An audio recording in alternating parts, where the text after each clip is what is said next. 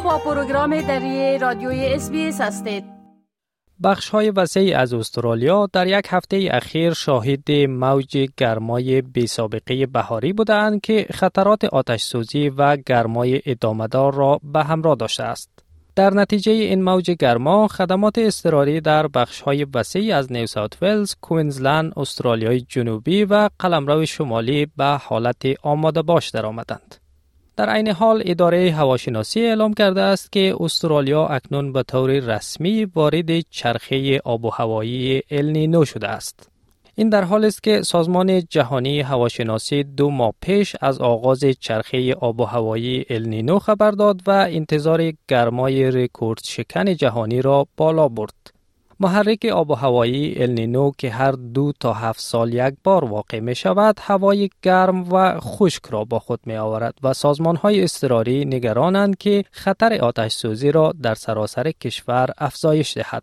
دکتر کارل براگانزا مدیر خدمات آب و هوایی اداره هواشناسی استرالیا ضمن اعلام این خبر گفت که تابستانی گرم تر از سه سال گذشته در انتظار کشور است. Globally, um, the El Nino really means that we have a continuation of the global heat that we've seen in the global oceans in particular, and the global oceans have been at record temperatures since about April. Um, so consistently what we are probably projecting for the summer is that Australia will continue to see warm and dry weather, and it's really up to individuals and communities now to prepare for a, a, a summer of um, um, heat and, and fire hazards. با توجه به این پیش بینی کارشناسان صحی از استرالیایی ها می خواهند که خود را برای هوای گرم و جلوگیری از گرمازدگی آماده سازند. کیمبرلی همفری دکتر اضطراری می گوید که مردم باید استرس گرمایی و گرمازدگی را جدی بگیرند. We see people who are experiencing all kinds of things. So direct heat related illness is when you're just feeling quite unwell and you know, often really tired, maybe a little bit nauseous because it's a really hot day. And that can go all the way through to heat stroke, which is when people become very confused. It affects the brain. We see seizures, we see coma, and ultimately we can see death in that situation as well. اما بیکن مدیر اجرایی سازمان سویلترینگ سیتیز میگوید که مردم باید یک برنامه موج گرما داشته باشند. او تصریح می کند که ما باید از همین اکنون دنبال چارسنجی برای خنک نگه داشتن خانه های خود باشیم با علایم گرمازدگی آشنا شویم و برنامه ریزی کنیم که چطور می توانیم در جریان موج گرما از عزیزان آسیب پذیر خود مواظبت کنیم. That means looking at our homes now and saying, how can I make it easier to keep cool inside? Do I need to get an extra fan? Do I need to get some more ice cube trays? Um, how can I block the heat from entering the house with extra awnings or things like that? Um, so that's one of the big things. It's familiarizing ourselves with the symptoms of heat exhaustion and heat stroke to make sure if we need medical care, then we know when that needs to happen. And what we also can do is we can figure out who we're going to check in on during a heat wave.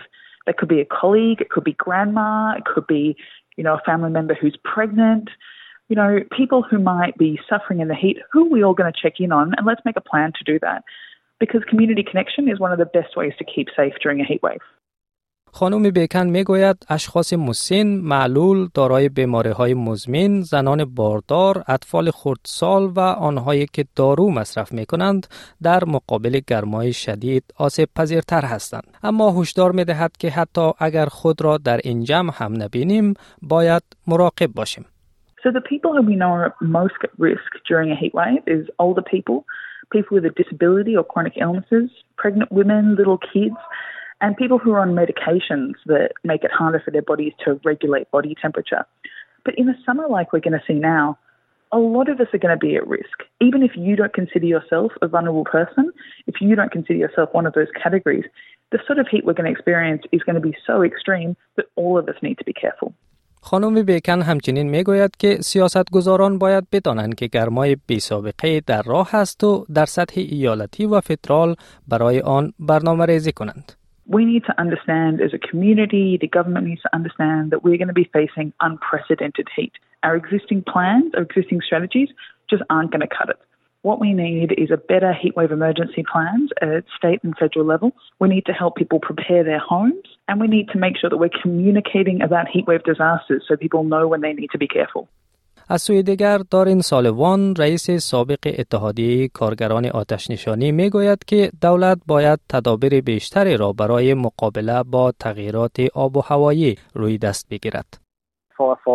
Uh, been asking for proper action taken against climate change because until the governments across the across the country, across the world, you know, um, take proper action on climate change, we're going to see this deterioration in weather, deterioration um, around uh, risk to communities, and we're going to see um, many more disasters, whether they be floods or bushfires.